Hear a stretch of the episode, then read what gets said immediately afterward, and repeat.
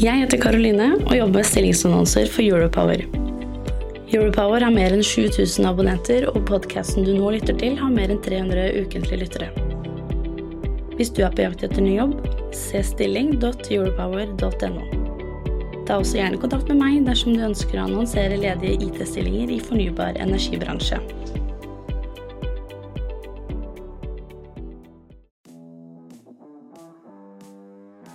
Du, Pia, visste at det ble utsolgt i fjor da vi samlet IT-beslutningstagere i energibransjen på energibransjens IT-konferanse?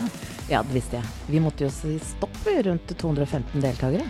Eh, Men fortvil ikke. Eh, Den 26.9 så samler vi på ny hele flokken for å dele erfaringer og bygge nettverk. Og vet du hvem som er sponsorer og som skal delta på scenen i debatter i år, da? Ja, er, er ikke det Statnett, Elhub, Elvia, Lede og Embrik? Jo, og så er det Microsoft, Itera, Bouvet, DNV, Elmera Group.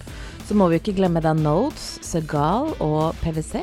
Eh, Og sponsorene har allerede kjøpt opp mer enn 150 av deltakerplassene, så dette blir garantert årets viktigste møteplass for de som jobber med IT i energibransjen. Så ta en titt på teknologioptimistene.no for mer informasjon. Men nå er det nok reklame for energibransjens IT-konferanse. Skal vi ikke komme i gang med podkasten, Pia? Jo, vet du hva, la oss gjøre det. Du lytter til Teknologioptimistene fra Europower Partner. Redaksjonen i Europower har ikke medvirka i denne produksjonen. Hei og velkommen til Teknologioptimistene, en podkast for IT-beslutningstakere i fornybar energibransje. Jeg heter Pia Christensen Moe og jobber i Europower. I dag har jeg med meg Rolf Frydenberg, CEO i Manage e Nordics. Velkommen. Tusen takk. Rolf, hvem er du, da? Ja, jeg er en uh, utdannet sivilingeniør fra NTH, i, som det het i gamle dager. Så jeg har vært i IT-bransjen siden 1980, så det er blitt noen år. 1980, ja. da er du ja, 43 år. Ja, den er ja, noe sånt rundt noe der. Ja, men det, den, er- det, da har du erfaring, kaller vi det. ja. Igjen, når vi snakket sammen, så fortalte jeg da at det er veldig viktig, eh, det, dette spørsmålet som kommer nå, om du har en fun fact om deg selv. Ja, jeg hadde litt problemer med å finne ut akkurat hvilken fun fact jeg skulle legge vekt på. det har mange av de. En, en av dem i hvert fall, eh, som ikke har noe som helst med IT-bransjen å gjøre, det er at på av to, begynnelsen av 2000-tallet, da var jeg ganske aktiv seiler. Oi. Da var jeg kjent som han som seilte Shetland-race i jeans istedenfor uh, seiltøy. Å, så deilig. Så det, det, det er kanskje en typisk eh, fun fact. Men siden dette er Europower, så burde jeg kanskje nevne at eh, på 70-tallet, slutten av 70-tallet, så utga jeg en bok om atomkraft. Gjorde Så jeg har faktisk vært i, litt grann involvert i uh, energibransjen også. Perfekt, perfekt. Ja, men du vet hva, det var bra fun facts. Den jeansen den likte jeg veldig godt. Så det var veldig. Du er CEO i Manage E. Hva leverer dere, og hva gjør Managing Manage Nordics? Ja, det kan man lure på. Eh, Det vi leverer er softwareløsninger, mest som eh, software as a service. Mhm. Istedenfor i gamle dager, da leverte vi det installert hos kunden. Og det er løsninger eh, først og fremst rundt dette med å håndtere alle mulige slags henvendelser, bestillinger, saksbehandling. eh, alt som du på en måte kan gå bort fra papir og mail, og printing og skanning og signere papirer og den slags, og, og alt det der, og over på noe som egentlig er en automatisk saksflyt, gradvis mer automatisert. Altså med kunstig intelligens og den type ting, så kan man gjøre det hakket mer automatisert enn i, skal vi kalle det gamle dager, da man måtte lage regler på forhånd som sa noe om hvordan ting skulle gjøres. Nå kan egentlig systemets erfaring gjennom bruk føre til at saker blir håndtert på riktig måte og sendt til riktig sted og Mm. osv. I 2022 så ble dere kjøpt opp av et programvareselskap. Fortell. Ja, det er et firma som heter Orbify, som er ganske nyetablert. Eh, Det er eh, halvannet, eh, to år gammelt. Som har som sitt mål å bygge en, en større konstellasjon av softwareorienterte selskaper. Først og fremst software as a service-orienterte selskaper. Og vi var uh, egentlig det tredje oppkjøpet de gjorde. Det skal vi komme litt tilbake til, men, men når dere ble da, eh, da kjøpt av uh, Or, Orbify, var det det? Ja, Orbify. Har dere da oppnådd det dere hadde som mål, da, eller? Å bli kjøpt opp? Ja, Vi hadde ikke som mål i seg selv å bli, opp, bli kjøpt opp. Det vi hadde som mål, var å sikre selskapet over lang tid. Selskapet var til det drevet av noen partnere, som var de som grunnla selskapet. Og derfor har vært med siden vi startet i 99. Med andre ord, vi er 20 år eldre enn vi var da.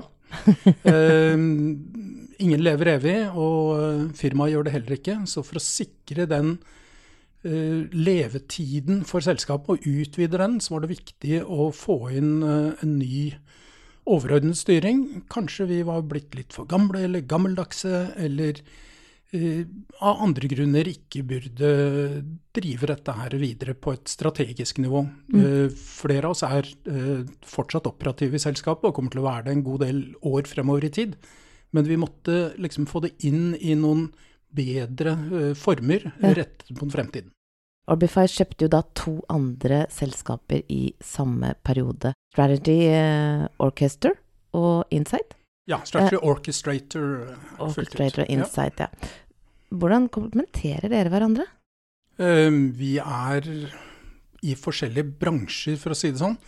Altså det uh, hoveddelen av produktene fra Orchestrator gjør, det er ting rundt strategiprosesser, innovasjonsprosesser, og derfor jobbe mer mot det forretning og forretningsutvikling i selskapene. Vi mm. jobber litt mer mot IT og den interne serviceprosessene. Mm. Så uh, vi komplementerer hverandre og konkurrerer egentlig ikke produktmessig. Vi har noen caser vi jobber med hvor uh, vi trenger å integrere produktene, fordi uh, både dette med saksflyt og strategi er forskjellige deler, men strategien kan føre til at man har saker som sendes videre og skal behandles videre. Og derfor eh, trenger man eh, å integrere det. Så det er felles ting, det er forskjellige ting. Men hvor mange var dere ansatte før dere oppkjøp? Vi var eh, ja, snaut 20 da, er fortsatt uh, drøyt 20 nå. Ja, Og så du, kom du inn da i et stort Blir jo da et konsern nesten, med ja. da flere Ja da, det er et konsern, et konsern under oppbygging for så vidt. Ja, hvor mange er dere nå da? Jeg vet ikke nøyaktig hvor mange det er. Vi sitter jo forskjellige steder. Selskapet holder til i, i Sandefjord, på Fornebu og Asker, hvor, ja. hvor, vi holder til. Konkurrentene deres da, hvem er det? Vår største konkurrent uh, er et amerikansk firma som heter ServiceNow. Eh, som vi eh, vinner over noen ganger, og eventuelt taper for noen ganger. Men eh, det, også finnes det en, en, masse selskaper innen den delen av saksbehandlingen som heter IT Service Management. Mm. ITSM har vært en sånn veldig veletablert greie fra slutten av 90-tallet og fremover.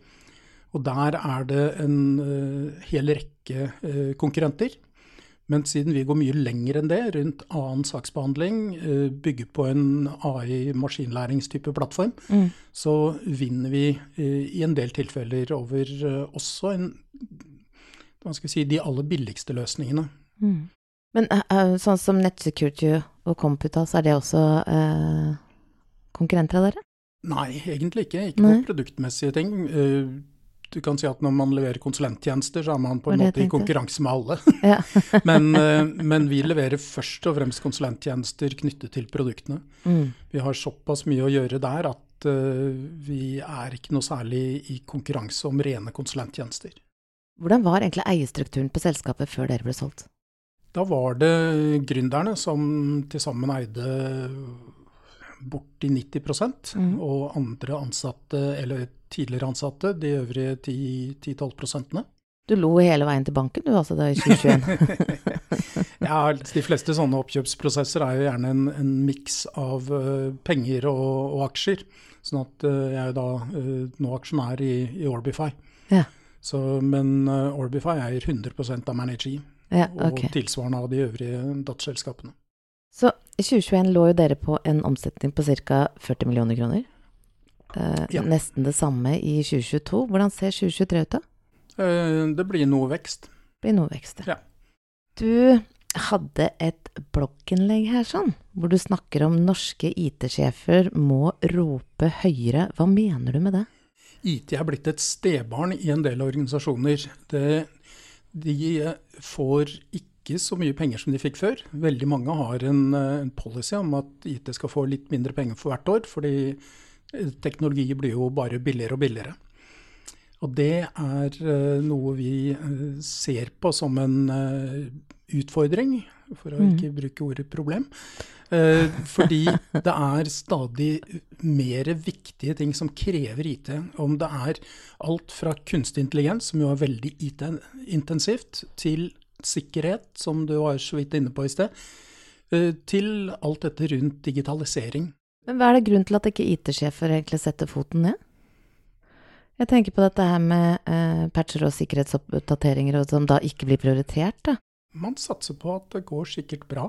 Det går sikkert bra for oss, fordi det har det gjort for de fleste andre. Eh, bortsett fra de som ikke blir eh, Som det ikke går så bra for, da. Det, det er jo en del eh, hva skal vi si, Særlig rundt ransomware, eh, som har vært veldig i fokus eh, de senere årene. Ja. så man rett og slett bare satser på at det skal gå bra. Du kommer også med et uttrykk i blogginnlegget ditt som er jo meget amerikansk. Eh, CIA. Hva er det det står for? Det er jo de tre hovedpunktene innenfor informasjonssikkerhet. Mm. Confidentiality, integrity og availability. Altså konferensialitet, integritet og tilgjengelighet. Mm. Men KIT på norsk høres ikke like kult ut som CIA på amerikansk. Nå det er skjønt. en annen ting som jeg egentlig bet meg litt med i dette blogginnlegget ditt, er jo det at um, det var en analyse dere gjorde på stort, en, i en stor norsk virksomhet. Og de hadde svakheter i IT-systemet, og problemet lå jo ikke i programvaren. Men hvem som skulle betale for IT-oppdateringene. Ja. Uh, hvordan, hvordan, har dette blitt et så stort problem? Det er jo det at uh, IT ikke nødvendigvis får så store budsjetter direkte, de får dem indirekte fra forretningssiden. Og det man ser på forretningssiden i mange store organisasjoner, det er at de er opptatt av mer funksjonalitet, nye fancy funksjoner, nye ting som får eh, f.eks. kundene til å komme dit. Uh, altså bare snakk med marketingfolk. De vil jo mm. gjøre alle brukergrensesnitt enda mer fancy, enda mer kunderettet. Mens finansieringen av det underliggende, all den hardwaren og softwaren som egentlig ligger i bånn, fra operativsystemer til servere etc., blir ofte stemoderlig behandlet. Men er dette et problem som du ser egentlig gjennomgående i flere selskaper? Og i flere bransjer? Jeg tror ikke det er bransjespesifikt i det hele tatt. Uh, så eh, det er nok uh, Vi har sett hos flere, flere, bedrifter. Av naturlige grunner så nevner jeg ikke navn. Det er i orden. men fordi den type analyser er gjerne konferensielle. Det, men det er jo rett og slett fordi det er ikke så synlig. Det er jo først når det går til helvete at mm. det er synlig. Mm. Og det gjør det jo ikke så ofte. Altså, det, sannsynligheten for at uh, du skal få et ransomware-angrep uh, mot uh, en eller annen gitt bedrift, mm. er jo ganske liten. Mm. Problemet er jo at det skjer noe hele tiden. Det skjer det. Det kan man skrive under på. Jeg hadde jo Global Connect inne her på en podkast-episode, og da de kom ut da med en rapport for en stund siden hvor de hadde tatt pulsen på på norske IT-sjefer. Og noen av de tingene de fant ut da, var at f.eks. at 40 klarte ikke å legge fra seg jobben når de kom hjem med noen ting. 39% sier at de ikke har kapasitet til å holde seg faglig oppdatert. Tror du dette har en sammenheng med at de taper kampen mot da, forretningssiden av et selskap, da? Så de ikke får disse patch-oppdateringene?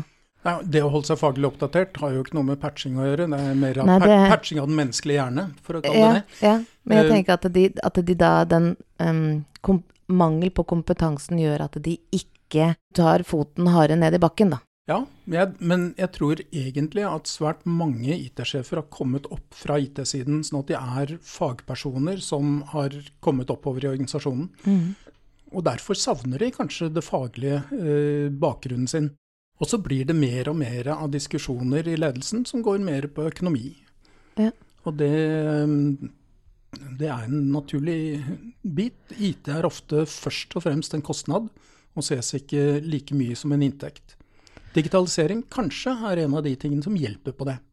Hvis vi går litt videre da på akkurat den delen der, egentlig, så tenker jeg sånn ok, greit, i et selskap så heier da styret, ledelsen, på innovasjon og nye applikasjoner.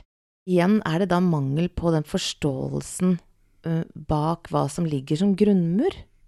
Eh, som jeg, jeg, jeg forstår det ikke. Sånn som jeg blir litt sånn fascinert, da, for jeg forstår faktisk ikke helt at de ikke ser at hvis grunnmuren ryker, så ryker faktisk alle applikasjoner og all innovasjon også. Jo, men man regner med at grunnmuren holder sikkert et år til.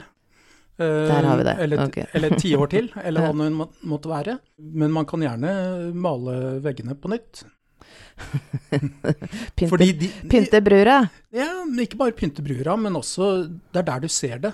Ja. Altså, du, akkurat vært gjennom en sånn type prosess i forbindelse med hytta, hvor eh, vi drev og holdt eh, veggene ved like, vi til og med byttet taket. Det vi ikke så, var jo at det var eh, smågnagere og mye annet eh, som hadde tatt seg inn i gulvet.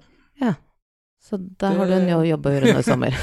Nei, vi, vi har gjort det for et par år siden, men, men det var eh, Det er liksom Det er noe av det som er, ligger under, som du faktisk ikke ser før det nærmest ramler ned. Ja, men da forstår jeg hvorfor du kalte artikkelen for at eh, IT-sjefen må rope litt høyere her. Du, Pia, er det ikke litt kult at teknologioptimistene nylig vant fagpressens markedspris? Vet du hvor mange medlemsbedrifter som er med i fagpressen? Du, det er jo mer enn 200. Ja, det er mer enn 200, og så ble vår podkast og møteplassene vi har etablert for våre lyttere i Teknologioptimistenes nettverk og den store IT-konferansen som vi kjører i september, kåra til nummer én, altså bransjens beste markedskonsept. Du vet hva, det er jo bare å si tusen takk til deg som lytter, og til dere som deltar på møteplassene vi har etablert for IT-beslutningstakere. Du vet hva, denne prisen vant vi i Europower, altså sammen med dere, dere lyttere. Det gjorde vi. Men nå over til podkasten igjen. Hvilken bransje er det dere jobber mest mot? Vi har veldig mange kunder i offentlig sektor, så både sykehus og kommuner. Eh, Vi har også private kunder eh, i forskjellige deler av privat sektor. Løsningene våre er såpass generiske at de er ikke bransjespesifikke. Nei. Eh, Jeg hadde akkurat et møte med markedssjefen vår, og hun, sa at eh, ja, men vi må plukke ut noen markedssegmenter, noen bransjer. Og sa ja, hm, dette her eh, Jeg er helt enig ut fra et marketingperspektiv, men eh, disse løsningene passer akkurat like godt uansett bransje, uansett offentlig eller privat sektor. Men jeg må jo ærlig innrømme at jeg er veldig ærlig med markedssjefen din. Denne podkasten er sånn, er jo våre lyttere IT- IT-beslutningstakere innenfor fornybar bransje. Eh, har du noe erfaring innenfor denne bransjen, da? Så er det stor forskjell på IT-folk i de forskjellige bransjene? Nei, det tror jeg ikke. Altså, ja, jeg har vært borti en del uh, innen, eh, innen kraftverk eller strømproduksjonsbiten, eh, som i Norge i all hovedsak fortsatt er vannkraft. Mm. Men eh, jeg vil ikke si at de IT-sjefene er noe annerledes enn de i eh, si oljebransjen eller eh, eh, Sykehus ja, eller offentlig eller Ma noe? Mm. malingbransjen, for å ta en kunde av oss. det, det, eller sykehus. Det, altså, de sliter med en del av de samme tingene. En av de tingene med energibransjen er at vi står jo overfor enorme utfordringer. Uh, og vi må fjerne siloer, og vi må samarbeide. Hva tror du om denne løsningen her? Jeg er jo alltid tilhenger av å rive ned siloer, men det har vi snakket om siden jeg begynte i bransjen for uh, 43 år siden. Ja. uh, og det er blitt med prat i en del sammenhenger. Eh, jeg håper at man eh, blir flinkere til å, til å rive ned de interne veggene og, og samarbeide mer på tvers. Mm. Jeg, jeg oppfatter det ofte mer som vegger enn som siloer, da. men uh, kanskje fordi jeg ikke har noe bondebakgrunn. Hva mener du? Jeg, har litt lyst til å spørre deg om sånn uh, om cybersecurity, egentlig, om sikkerheten. Er, det, er, det, er det for mange virksomheter som foregår on-prem? Eller er det brannmurer som ikke holder oppdateringer? Eller er det menneskelig feil og kompetanse? Eller er det rett og slett manglende budsjett? Hvor er den største eh, Hvis du skulle liksom rangert dette her nedover som de største fallgruvene, hvor er det vi må titte først? Jeg tror nok kompetanse er en av de tingene man trenger mer av. Mm. Det, absolutt eh, innen, eh, innen sikkerhet. Og det er kanskje kompetanse på, på ledernivå. Altså Mm. tenker jeg ikke IT-leder, men høyere ledernivåer enn det. De som de, setter med penga? Ja. Ja, Okay. Og at de faktisk forstår hvor stor risiko uh, selskapet løper Mm. ved at det ikke har uh, helt topp sikkerhet. Men, men det skjer bedringer der. altså. Det er uh, Det går en utvikling i riktig retning, det bare går altfor tregt. Vi får fortsette å snakke høyt om det, er det ikke sånn? Nettopp. Hvis vi skal eh, Vi må jo snakke litt om AI. Hotshoten i bransjen, eller i, i IT eh, nå. Og du har jo vært i bransjen såpass mange år, og du har jo opplevd mye innen softwareutvikling og, og maskinlære, egentlig. Eh, hva er det som har imponert deg mest av nye ting som har kommet? Altså, den, den største forandringen vil jeg jo egentlig si var da vi gikk over fra karakterbasert og kommandobasert uh, databehandling til grafiske brukergrensesnitt.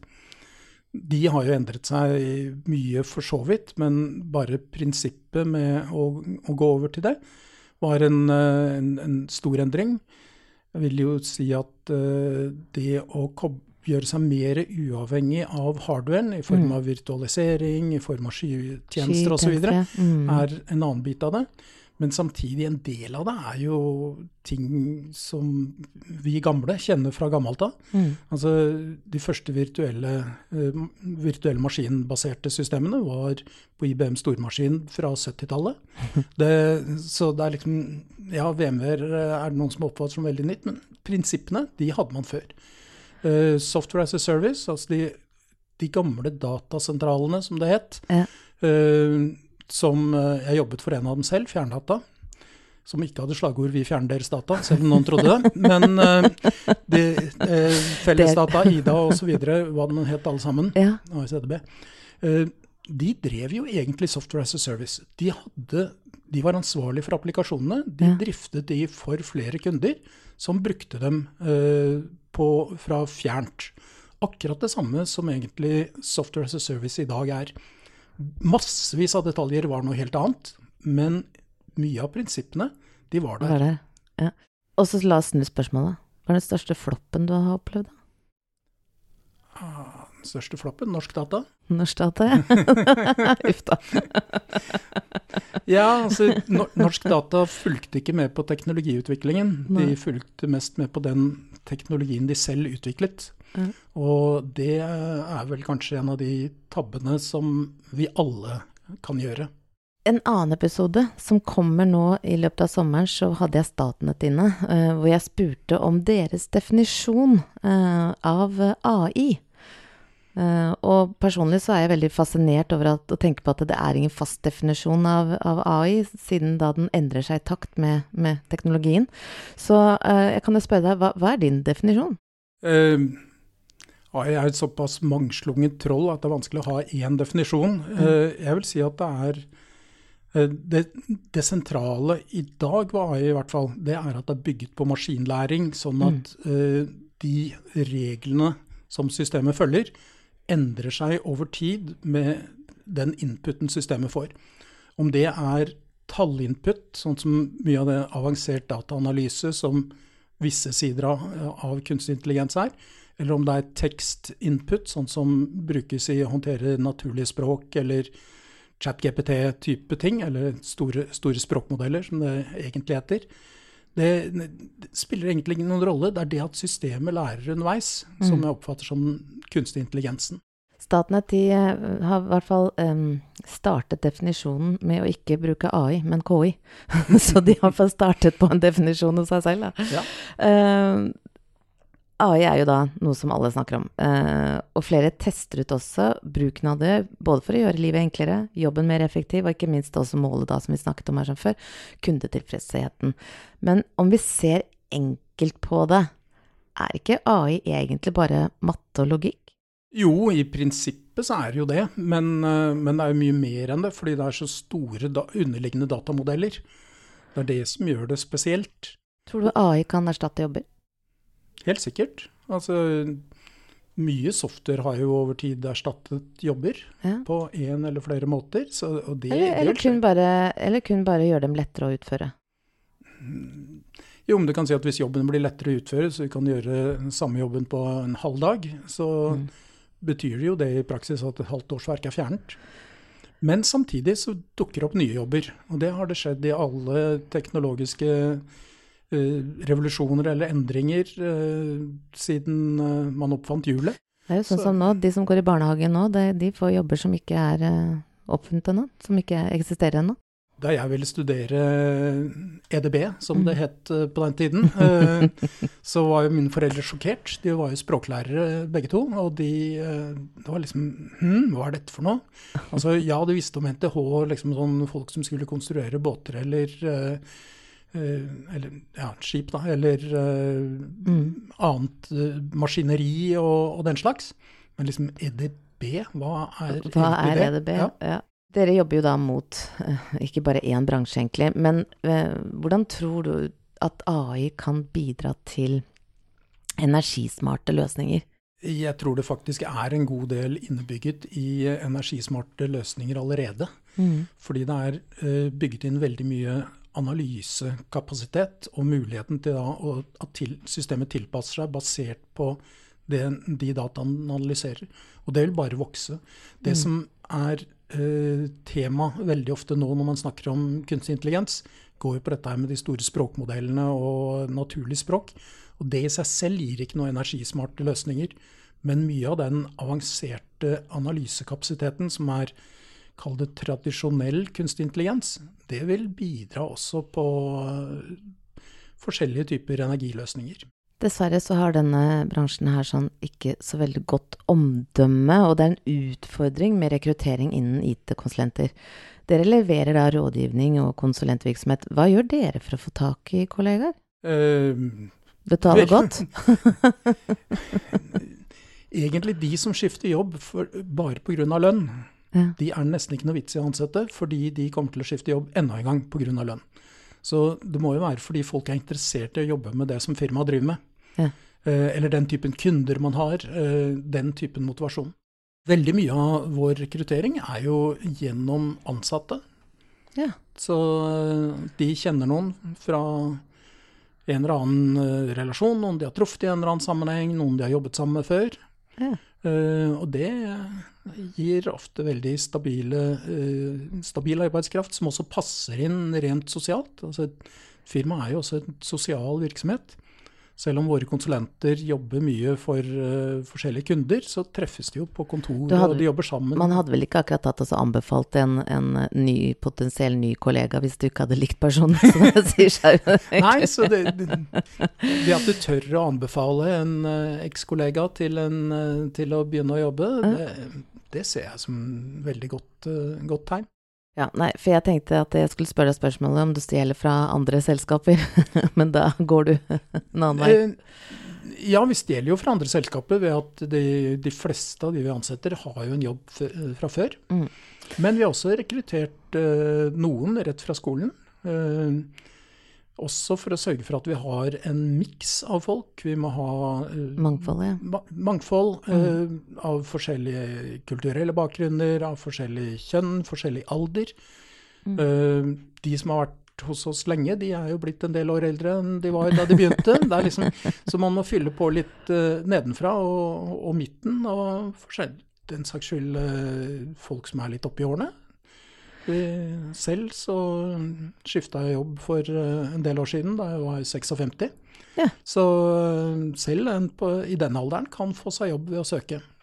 Nå sluttet jeg der etter tre og et halvt år, da, kom tilbake til Manager, men eh, det, En erfaring. var. Det var en veldig Ja. interessant erfaring. Vi har et hellig spørsmål vi, før vi avslutter, og forteller egentlig mye om deg som person. Min første datamaskin var en Highnote Ultra, eh, produsert av eh, Data Equipment Corporation. Hva var din første datamaskin? Første datamaskin jeg jobbet med, var en Univac 1100 stormaskin på NTH. Det, dette var jo 70-tallet. Det var 70-tallet, den har jeg ikke hørt om engang. Nei. Nei. Uh, Men andre som er gamle, har jo sikkert hørt om det. da gjenstår det bare å si tusen takk til deg, Rolf fra Managing Nordic, for at du tok deg tiden til å delta her i podkasten Teknologioptimistene. Neste gang jeg får eh, invitasjon til deres seminar, lover jeg deg at jeg skal bli med. Tusen takk til deg som lytter til Teknologioptimistene. Mitt navn er Pia Christensen Moe, og jeg er en teknologioptimist. Og Rolf, dette her blir litt dumt. Men hva er du? jeg er absolutt en teknologioptimist. Jeg har vært teknologiinteressert siden jeg var 10-11 år, så det, det er jeg fortsatt. Da sier jeg bare takk for meg. Du, Pia, visste at det ble utsolgt i fjor da vi samlet IT-beslutningstagere i energibransjen på energibransjens IT-konferanse? Ja, det visste jeg. Vi måtte jo si stopp rundt 215 deltakere. Eh, men fortvil ikke. Eh, den 26.9 så samler vi på ny hele flokken for å dele erfaringer og bygge nettverk. Og Vet du hvem som er sponsorer og som skal delta på scenen i debatter i år, da? Ja, er, er ikke det Statnett, Elhub, Elvia, Lede og Embrik? Jo, og så er det Microsoft, Itera, Bouvet, DNV, Elmera Group. Så må vi ikke glemme da Notes, Segal og PwC.